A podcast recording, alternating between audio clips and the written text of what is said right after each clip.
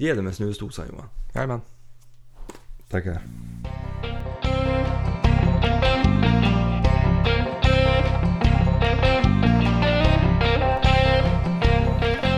Ja, då var det dags för eh, avsnitt nummer fem av Jaktpodden.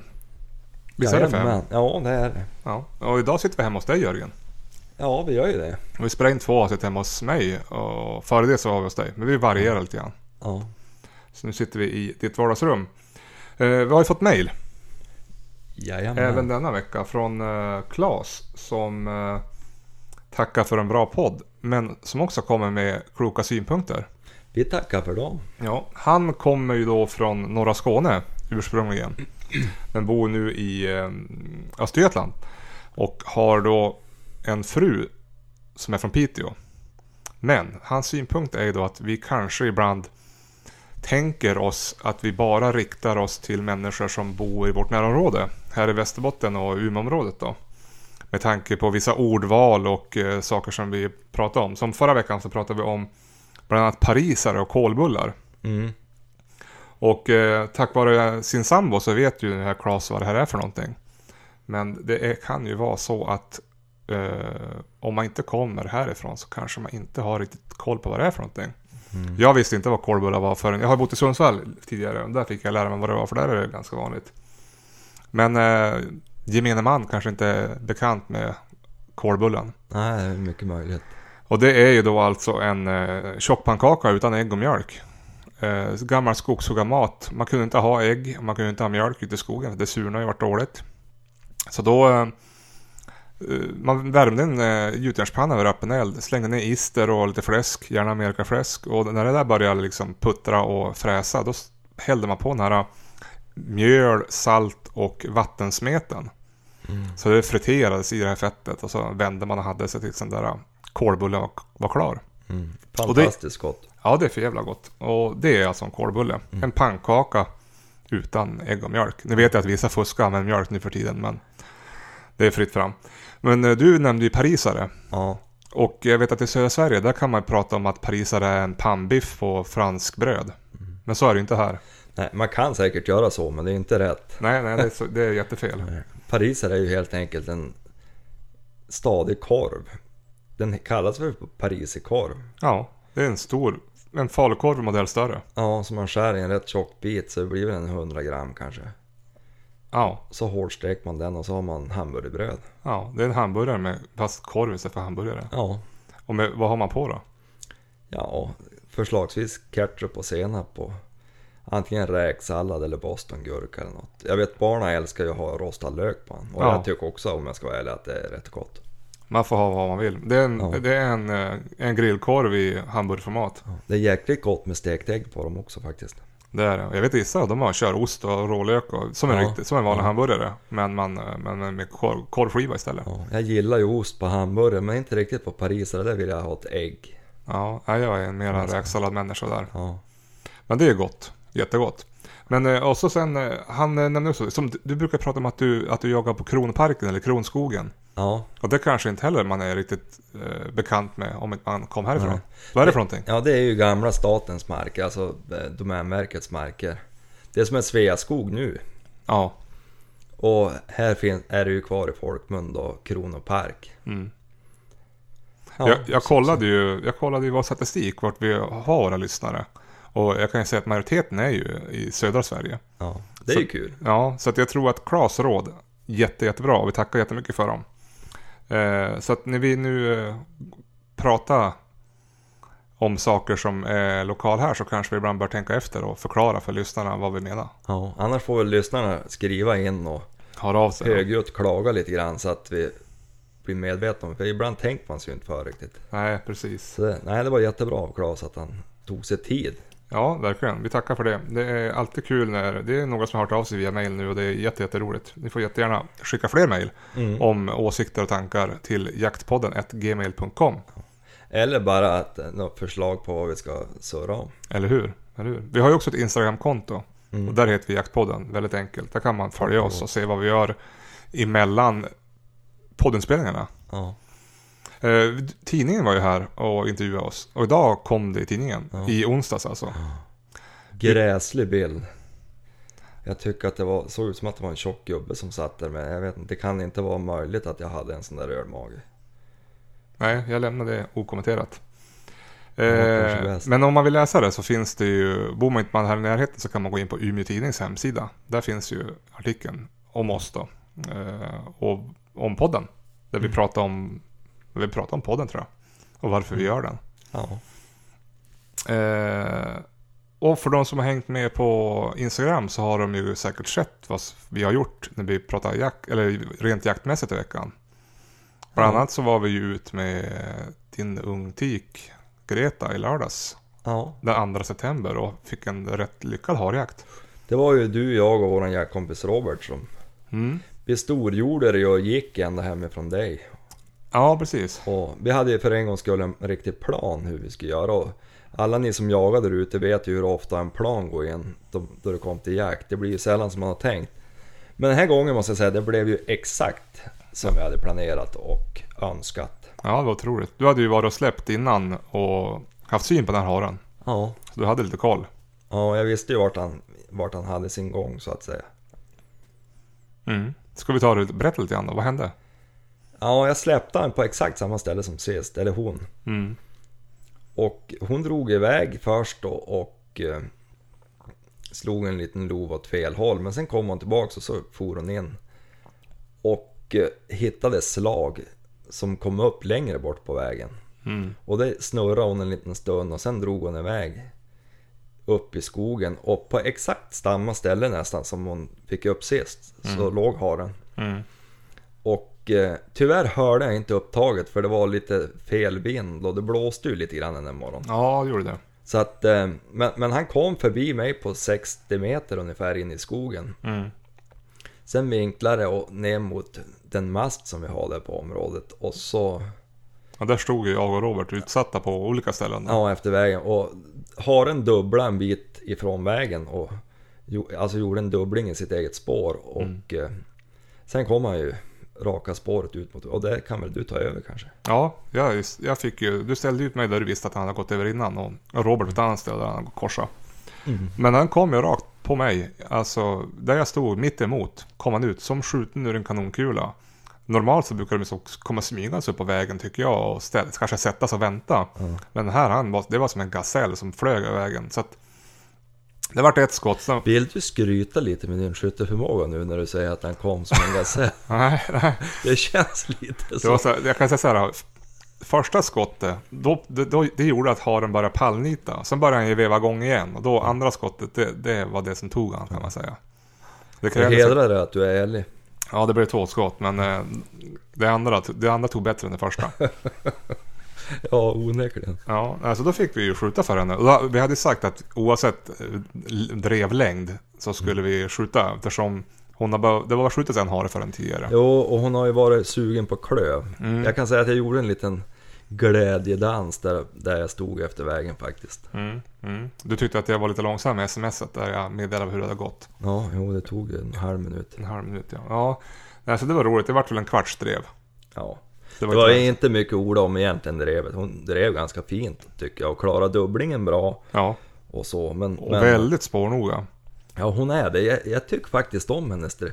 Gamle Tage, han, han är ju väldigt snabb i sitt drevsätt och fuskar en del tycker jag. Mm. Han är ju också det, skjuter man haren då, då, då, spring, då genar ju han direkt till skottplatsen. Ja det gör han ju. Men, men, men just det där även då, han har ju ofta problem på vägar och sånt. Det tror jag ofta är för att han springer så snabbt. Mm, mm. Nej, hon Och- drev ju hela vägen fram till haren. Ja, och väldigt spårnoga och lugnt och beskedligt drev tycker jag. Det Men den här jakten, den var ju över redan 10-7 på morgonen. Så vi Ja. hann ju släppa om. Vi får ju lite längre bort på, Ja. annat ställe. Ja.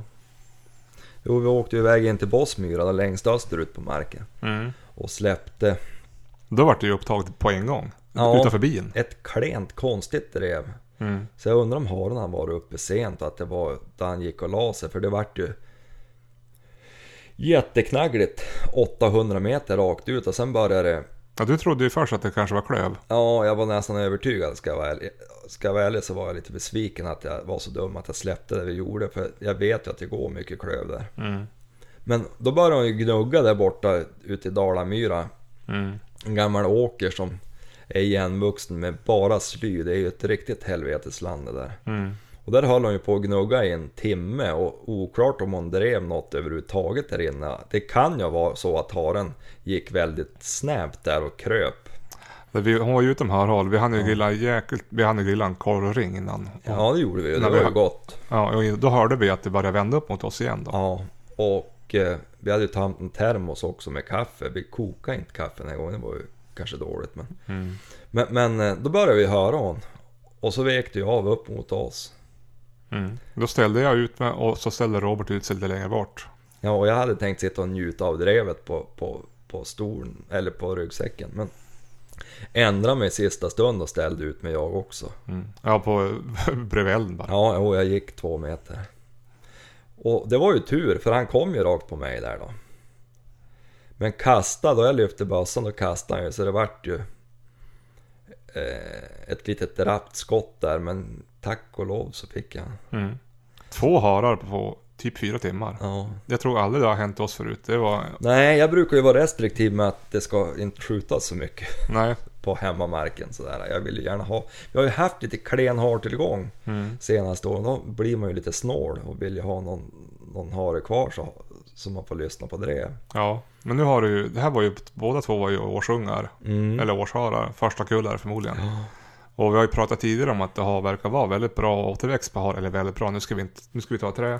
Och så ska vi inte jinxa, men många man pratar med har sett mycket hare i år. Ja, Både här och vi. runt omkring. Ja, Och vi också. ja. Och det verkar ju stämma att det, har, att det är bra, bra, bra harår. Ja, jag hoppas att det är det. Så vi riktigt får njuta av jakten i höst. För du brukar ju annars ha någon sån här träningshare som du alltid får och kör på. Så jag har ju några inte. stycken jag alternerar med så de ska få lite lämplig motion. Mm. Men nu, nu sköt vi två för henne och hon har ju haft, du har ju berättat tidigare i podden att hon har gått på klöv. Hon är ju bara tre år. Mm. Tror du att, eh, att man har skjutit nu två stycken för henne ganska snabbt i början på säsongen? Tror du att det motiverar henne att gå på hare oftare? Jag hoppas det. Och jag tror det faktiskt att, att, att det är så. För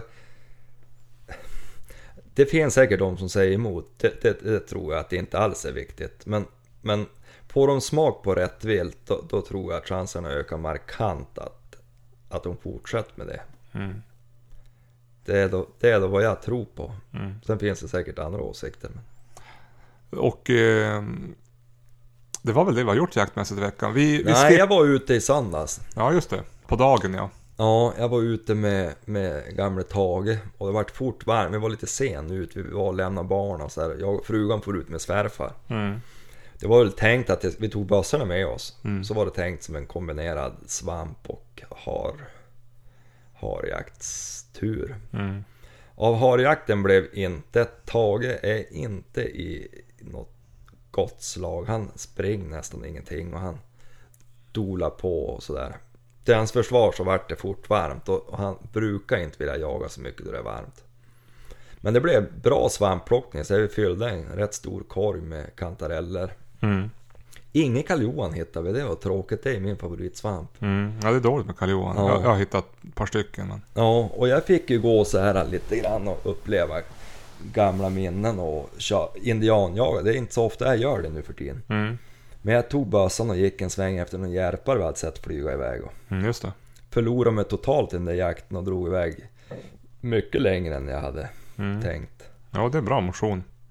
Ja. De, de flyger ju bara och så landar de, så flyger de och så landar de. ja, och jag kom inte till skott. Men Du ha haft en pipa med dig. Ja, jag hade inte det. Nej. Men, men ja, nej, jag tyckte det var jättetrevligt och jag smög där uppe på Bärmyrans kant. Mm. Och det är ju jäkligt fint där uppe tycker jag. Mm, jo, det är det. Sen skippar vi ju klonsjakten på söndag kväll. Vi får på bio istället med barnen. Ja, jag har kanske för dålig jaktlust, jag vet inte. Men det kändes bra att få fara på bio så här innan jakten drar igång riktigt, riktigt på allvar. Ja, men visst. Men på tal om kronhjortar, jag är ju föräldraledig med yngsta barnet och går ju gärna förbi farsan på morgnarna och dricker lite kaffe.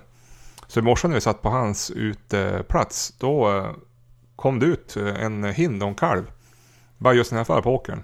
Förmodligen samma hind och kalv som du, eh, som vi har sett här nedanför dig. Mm, mm. Så de är, de är och stryker omkring där, men de är gärna inne i byn. Ja, det är en ko och dubbelkalv som brukar vara ute på åkern där. Mhm, okej. Alltså en älgko med? Ja, ja, det är väl samma hon som sprang över här för någon vecka sedan. ja precis.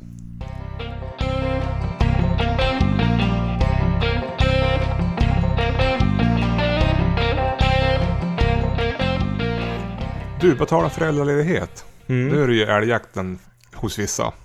Du såg ju en trevlig skylt idag på förskolan. Ja, så mycket tragiskt.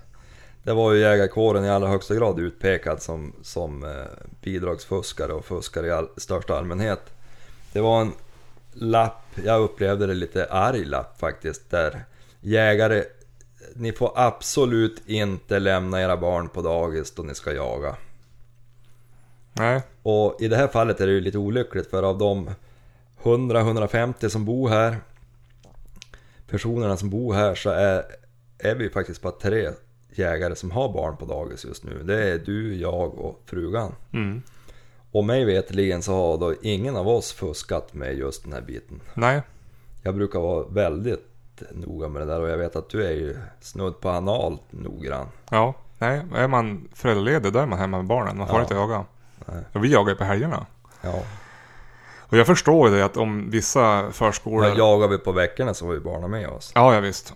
Och, men jag förstår ju om, vi, om vissa förskolor har problem med att föräldrarna eh, tar föräldraledigt men och far och jaga och lämnar barnen på förskolan. Då måste man ju ta tag i det problemet. Men det problemet finns ju inte just här. Nej, och jag, jag, jag ifrågasätter starkt om det finns överhuvudtaget. Ja, nej, men det är det, ju var, individer i så fall som missköter sig.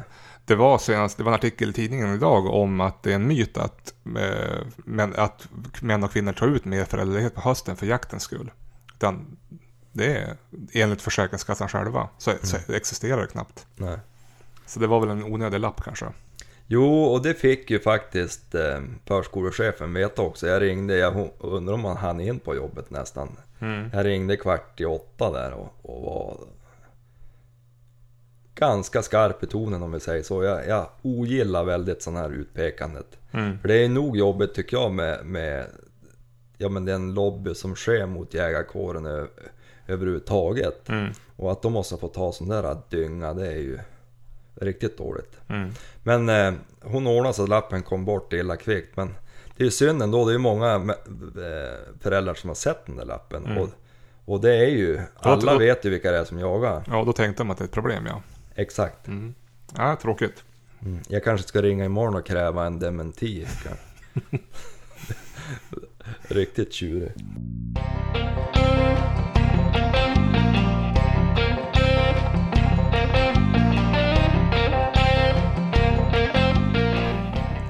Du Jörgen, du sa ju till mig tidigare att du har tror att du har hittat vår äldsta lyssnare. Ja men visst, Ove Persson uppe i Storuman. Mm. Jätteroligt att han har dragit hem en, en eh, podcast-app enkom för att lyssna på Jaktpodden. Mm. Hur gammal är herr Han, Persson? han är inte så gammal, han är 76. Mm. Och jag vill gratulera Ove till att du har lyckats ta dig tillbaks till jaktskogen. Det var jättekul att höra. Jag vet att du har varit med om en svår operation och sådär. Och jag vet att du sitter på pass nu i höst igen. Så det är ju riktigt roligt. Mm. Är det någon nu som råkar vara äldre än Ove så får man jättegärna höra av sig så kan man bli utnämnd till Ja. En äldre, ännu äldre lyssnare. Det kan man bli. Jag, jag gillar att, att jakten spänner över alla generationer. Mm. Mm. Och jag vet att Ove han jagar ju uppe i Storuman och de trakterna upp mot Slussfors. Och där fanns det ju en man som tyvärr har gått ur tiden nu. Ja. Ivan Hästner. Han hade Gratialandets kennel. Och det är de bästa hundar jag jagar med. Mm. De har kommit därifrån, faktiskt. Mm. Gratialandets Tello, en hund som Sture hade, det var... Jag, jag, jag ger mig tusan på att han tillverkar älgen förbannat. Nu har han ju varit död ganska länge, jag tror han var född slutet av 90-talet den där hunden. Men, men... eh, Eller om det var 2001 kanske. Mm. Men, men eh, riktiga ståndhundar, alla jag har jagat med som har kommit från Ivans uppfödning. Mm. Nu vet jag att han kanske inte har sådär överdriven statistik om man nu gillar att nörda ner sig på kullvärden och sånt för att de som köpte hundar av han, de gick nog inte alltid jaktprov. Men rekorderliga ståndhundar, riktigt rekorderliga ståndhundar. Mm. Du fick ju minnas tillbaka på mm, Sture förra veckan. Har du Mm. någon, eh, har du någon eh, historia om Ivan? Alltså Ivan, jag vet han berättade en gång om hur han hade skjutit en älg in i väglöst land. Ja. Och jag vet att idag så finns det en plats i hela Sverige där du kan sitta och ha en mil i omkrets. eh, Eller i radie blir det ju. Mm. En mil till väg. Just det. Men på den här tiden, då var det ju väglöst nästan allt här uppe. Vad snackar vi för tid? 40, slutet av 40, början av 50-talet. Mm. Alltså innan de här de stora vägarnas tid. Mm. Så det fanns ju inga grusvägar utöver de, de vägar som gick mellan byarna och så. Mm. Och då vet jag att han och en kompis hade legat ute, det var närmare en vecka de hade legat ute och jagat och inte hittat någon älg. För det var inte lika gott om älg då. Nej. Snarare tvärtom, det var uruselt om älg. Och då hade han, han hade älghundar redan då. Då jagar man för överlevnad. Ja, då jagar man för överlevnad och, och de här killarna då, de hade ju vandrat iväg och hamnat fyra mil in i fjällvärlden. Mm. Där hade de lyckats få tag i en älg, hund ställde älgen och de sköt han. Och de flodde ju och tog ur och flodde älgen där och hängde upp han och delade han i kvartar och så hängde upp älgen. Mm. Sen tog de varsin börda och så gick de, Börda. Nu får du förklara dig. Ja alltså de, de lastade en kvarting på ryggen och så, alltså en börda. Det de kunde bära. Ja, det de kunde bära. Mm. Så gick de ut till, ja men hem. Mm. Sen åt de och bytte kläder och så gick de tillbaks. Och eh, la sig där och gjorde upp en, en stockeld och la sig och skulle sova. Men på natten vaknade Ivan av att kompisen huttrade och frös och så vanmätet i sömn. Mhm. Så han sparkade igång han där för han var rädd att han skulle frysa för mycket. Ja. Och så eh, lastade de nästa börda och så gick de hem. Så det blev ju några mil i benen för att få hem den här köttet men det var säkert värdefullt för familjen att få, Ja visst. få äta sig mätt en stund. Det var inga fyrhjulingar, älgdragare och kylrum inte. Nej det var inte det. Och det är riktiga hål. Det är nästan som man inte kan tro på sådana här berättelser. Alltså vi moderna människor. Mm. Att vi, vi tycker att det är långt om vi får gå på pass en kilometer. Undrar vad det var för... Inte jag, men vissa. Ja, ja visst. Undrar vad det var för kvalitet på älgköttet då. Man vet, jag vet, man har hört talas om, min farfar berättade att det var inte, alltså man var inte så noga med, med hur man flodde och skötseln och det kunde ju smaka lite päls och så vidare. Ja men tänk den där älgen, om det var så kallt som höll på frysa. Det var ju sen höst. Så Ja, visst. Han var ju frusen innan han var hemma. Köttet frös ju förmodligen. Men det där åkte väl kanske rätt in i konservat, konserveringsmaskinen eller vad man hade. Ja, Torkades och mycket möjligt. saltades. Ja, och, mm. mycket möjligt. Nej, en fantastisk människa att träffa på... Jag träffade honom ofta på, då vi var på utställning. Han var alltid på Lyxelutställningen till exempel och satt där och Mm. mådde gott. Och, Du, på, på, tal om, på tal om, nu avbryter jag det, men på tal om uh, kötthantering. Mm. Jag har ju varit sugen. Vi pratade ju om att vi torkade, du torkade ju kött för några år sedan som du glömde bort ett halvt år. ja, det vart ju jävligt bra. ja, Förra året så försökte jag göra bressaola på ja. älg, på en Ja. älgrulle. Det vart väl succé? Nej, nej det blev ju allt annat än succé. För de som inte vet vad bressaola är så är det att man, man saltar in köttet och så får det ligga i, i en marinad. Och så sen då när du har gjort det, då hänger man upp det här och så ska du då lufttorka tills köttet har tappat ungefär 30% vikt. Och då blir det som en, ja, en finare bit kött som är torkat då. Mm. Det gick ju åt helvete för det vart ju bara liksom svamp på mitt. Mm. Eh, alldeles Var det för fuktigt tror du, när i källaren? eller? men, men alltså när, man, när jag har läst om det här, jag har en, en bok där om, om att ta tillvara och salta. Och, när man lufttorkar ska det gärna vara ganska fuktigt. Mm. En 60-70% luftfuktighet som jag förstått det. Jag torkar i matkällaren, jag har en sån källare man går ner under, under köket Ja, och ja. hängde där. Eh, och jag var jättenoga med handskar och hygien och hela faderullan. Men nu har jag ju, nu vill jag göra det här igen. Och har ju googlat på nätet om hur man ska torka på bästa sätt. För jag tycker att Ja men farsan han gillar ju att röka kött, det är också gott. Och det blir varmrökt. Men jag gillar ju det här när man har en torkad bit kött som är så jävla hård så man får tälja med kniv. Ja. Ja, det är jäkligt bra. i, i, ja, och ibland vet jag att folk då torkar dem och sen lättrökter de efteråt. Det är ju också jävligt gott. Mm. Mm.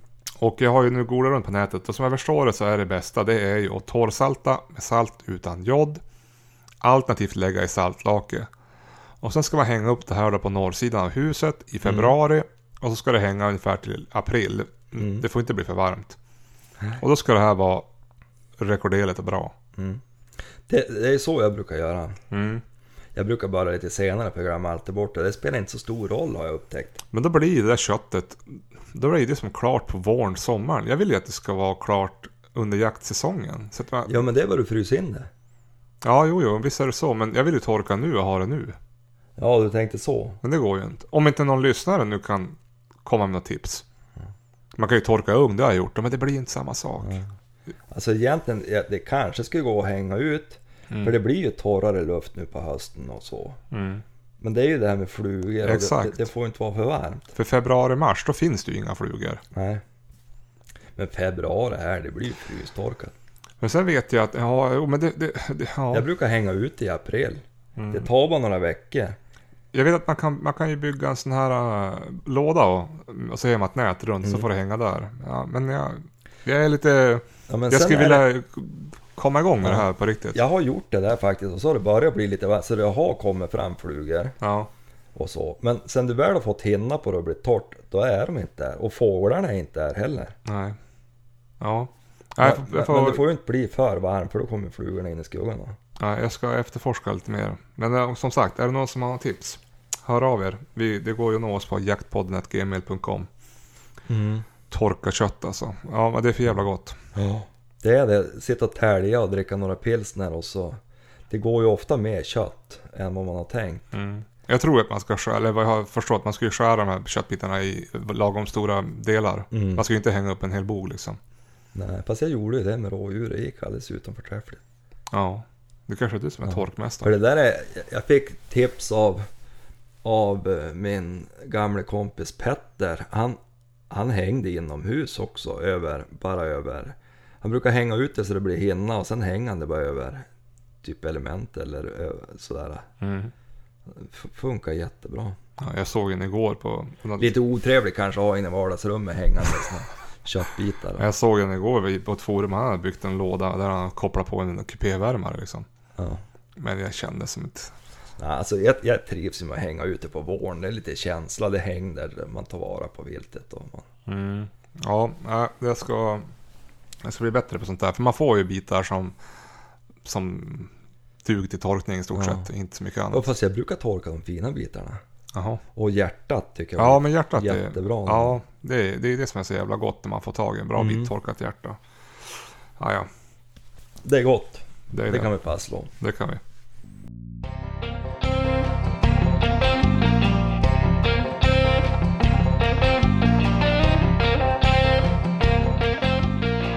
Du, eh, listan. Mhm. Eh, tänkte, vi har ju pratat mycket mat. Så jag tänkte vi lämnar det därhän. Och prata om, eh, kanske prata om vapen. Jag tänkte så här, i ett vapenskåp Mm. så har man lite olika vapen. En del har mer, en del har mindre. Mm. Jag tillhör de som har lite mindre. Men jag tänkte så här, tre kalibrar som alla bör ha i vapenskåpet. Det blir inte det här någon lista till 3 tvätt. utan Jag tänkte vi kan bara diskutera. Vi kanske ska fastslå innan vi går in på listan här. Varken du eller jag är någon större expert heller på vapen eller något sånt där. Jag är ju definitivt inte det. Nej, inte jag heller. Utan det här är ju våran känsla av vad vi tycker Ja, exakt. Och vad jag skulle vilja ha. Ja, ja, men vi kan göra det personligt. Ja. Så vad, om du skulle ha tre vapen i, din, i ditt vapengarderob liksom, eller ditt vapenskåp. Ja. Vad skulle du vilja ha för kalibrar då? Ja, Och du behöver inte tänka på vad du har nu tänker jag, utan nej, Jörgens tre drömkalibrar. ja. Alltså. Jag har ju för det första tre vapen Mm. redan nu, men jag har ju en 3006. Mm. Så den, den är också kvar. Mm. Definitivt. Jag tycker att det är en bra kaliber och jag, jag trivs bra med den bössa jag har. Mm. Och jag skulle inte vilja byta bort den. Fast jag, vet jag nämnde det i ett tidigare avsnitt att det är släpigt tryck och den är som en skrammelbössa och jag får ju smörja den hela tiden. Det är en halvautomat för annars kärvar och Mm. inte speciellt bra träffbilder. Nej, vad är det som är bra med det då? Va? Är, Jag det kom... bara, är det bara, om det bara är kalibern, då, då, då, då skulle man ju kunna, då skulle du kunna byta ut just den bössan. Ja, men jag kom till skott. Ja. Det är det han är bra Alltså, och framförallt då jag jagade älg Mm. och man gick på stånd och, och sådär och man ville... Jag vet inte om det är bössan eller om det är aimpointen som gör det egentligen. Nej. Men, men det har ju inget med kaliber att göra, men det är min bössa som jag är nöjd med. Och det, det är att i stort sett innan jag har lagt an så kan jag avfyra. Ja. Alltså jag kom till skott mycket snabbare än, jag, jag diskuterade ju det där någon gång i tidigare avsnitt, att jag hade svårt att se korset i kikaren Mm, just det. och sådär. Men 1306 tycker jag är bra just för att du kan skjuta en fågel i topp. Mm. Du kan jaga rådjur med du kan jaga bäver, du kan jaga... Mm. Ja men det vi har här kan vi jaga med det. Mm. Så att, ja. det- 1306. Mm. Ska jag ta alla på en gång? Mm, eller? jag tänkte det. Sen naturligtvis en hagelbassa måste man ju ha. Ja. Och... Eh, eh, ja, men en vanlig 12 det tycker jag väl man klarar sig Mm. alldeles utom förträffligt med. Mm. Och sen har ju jag nu en 22 Mm. som har skjutskator och Ja. sådär. Och det, men, men en småviltstudsare vill jag ha i min garderob. Mm. En klass 3 då, eller vill du ha en 22 lång? Ja, kanske att jag skulle haft en klass 3 egentligen. Men 22 lång har man ju. Det är ju min, mitt skartskytte som... Mm. Och det skulle jag ju kunna ha, göra kanske med en lite större kaliber. Mm. Å andra sidan är ju 22 lång bra. Det, jag skjuter ju i, i, i eh, alltså gårdsnära så att säga. Så att den är ju tyst och bra och sådär. Mm. Men kanske en lite mer potent 22. Mm. Ja, jag är inne på samma linje som du egentligen. Jag har ju, jag har ju två klass 1-bössor också. Eller ja, du har ju bara en klass 1-bössa. Men jag har ju två klass 1-bössor. En 857 och en 6,5. Ja. Och 6,5 använder jag ju mest till fågel då. Eh, på topp. Ja. 857 är ju klockren. Eh, älg och hjortbössa och bra även på rådjur. Kanske lite väl klumpig. Jag har skjutit några fåglar med den också. Men det blir inte jätteroliga hål. Nej, det blir väl kanske inte. Nej. Och så sen är ju kulbanan inte perfekt för långa skott heller. Och så, skulle man, och så vill man ha hagelbössa. Det måste man ju ha. Men, men jag skulle också vilja ha... Jag skulle ju... Jag skulle tycka det kändes lättsammare att jaga fågel i topp med en, eh, en eh, liten klass 3-bössa kanske. Jag skulle inte gärna ha 22 Hornet. Mm. Svindyr ammo. Mm. Men... Eh, bra, bra kulbana. Eh, man kan, den, den, man, problemet med att skjuta fågel med klass 1-vapen som 6,5 det är att kulan går ju så långt. Mm. Det tycker jag alltid känns lite otäckt. Jag kollar alltid upp liksom skjutriktning och att man skjuter till ödemarken och allt sånt där. Men med 22 Hornet eller kanske en, en eh, 22 Magnum då, då tror jag att man kan känna sig lite, lite tryggare. Nej, och det blir sällan så hemskt långa håll heller. Nej, precis. Då du jag, eller där du jagar. Nej, nej. Jag kanske ska tillägga att 1306 och, och fågeljakt, alltså vore jag toppfågelspecialist skulle jag förmodligen välja en annan kaliber. Mm, ja, men precis. Ja, men i stort sett så behöver man egentligen bara två bössor. Alltså om vi... Tre, tre gevär, det är ju lite lyx. Men två, det är, man behöver en klass 1-bössa som hagelbössa. Eller varför inte en kombi då? Eller hur? Mm. Men det kanske är ha en kula så hålla på och peta då du är på älgjakt, det känns ju lite... Många snackar ju där att man ska... Att det är bra att ha en 22 och övningsskjuta. Mm. Men det är ju... Sen när du ska skjuta med klass 1, det är ett annat, det är ett annat gevär. Mm. Men är det, är det själva äh, trycket och stå och öva, alltså, när det blir billigt, är det det som gör att man vill ha en 22? Jag skulle tro det. Mm. Men jag, övningssköt ju något år, du var ju med också med, med min gamla luftbössa, Ja, alltså luftgeväret. Jo. Och det var ju ställbart tryck, så jag ställde ju det då naturligtvis efter min eh, studsare. Mm. Och det gav ju faktiskt jättebra resultat upplevde jag det. Jag, jag kände att jag blev en bättre skytt Mm. fast när jag sköt med ett luftgevär. Då har du ju ingen smäll och ingen rekyl så men, men det var samma trubbel det där att du A4 och A4 och A4 i Ja. Tusentals skott. Det är ju, Ja, det, det är gör ju skillnad. Jag tror att mycket, när man skjuter dåliga, dåliga skott, då är ju mycket avfyrningsfel. Ja, När man rycker och har sig. ja. Det känner man när man, när man skjuter in. Jag brukar sk- skjuta in bössan lite längre håll när jag, inför fågeljakt och sådär. När man, med bra stöd och så. Men då, då kan det bli något skott som bara far åt helsike. Och då är, då är det mycket att man har varit dålig på att trycka av. Mm. Men du Jörgen, 30 minuter är vi uppe nu snart. Ska vi börja runda av? ja, det kan vi väl göra. Mm. Vad ska vi prata om nästa vecka? Ja, jag hade tänkt ut och jaga hare i helgen. Mm. I regnet? Ja. Får inte någon bra hund om du bara är ute i solsken. Nej, så är det ju. Ja, och, och, nej, det stör mig. Jag tycker ofta det är bra jaktväder då det är regn. Mm. Då man jagar älg och rådjur och... Alltså det, jag upplevde att det ofta är lättare att komma in på stånd till exempel. Mm. Och rådjuren har ju också svårare att upptäcka. Mm. Så att, nej. Regnet är en broder. Mm. Mm. Det är inte så kul att sitta på ryggsäcken och lyssna på ett hardriver-regn. Jag är väl för dum för att inte göra det kanske. Ja, men ska vi säga så? Vi rundar av. Eh, hoppas att eh, ni lyssnar nästa vecka också. Det vore ju kul. Mm. Jag är jätteglad att vi har faktiskt en liten lyssnarskara som tycker att det är skönt att lyssna på oss. Ja, jo, men Det ska det, ni ha stort tack för. ja, det börjar... Det, det, börjar, det blir allt fler. Ja, det är jätteroligt. Ja. ja, men till nästa vecka då säger vi hej då. Jajamän, hej då!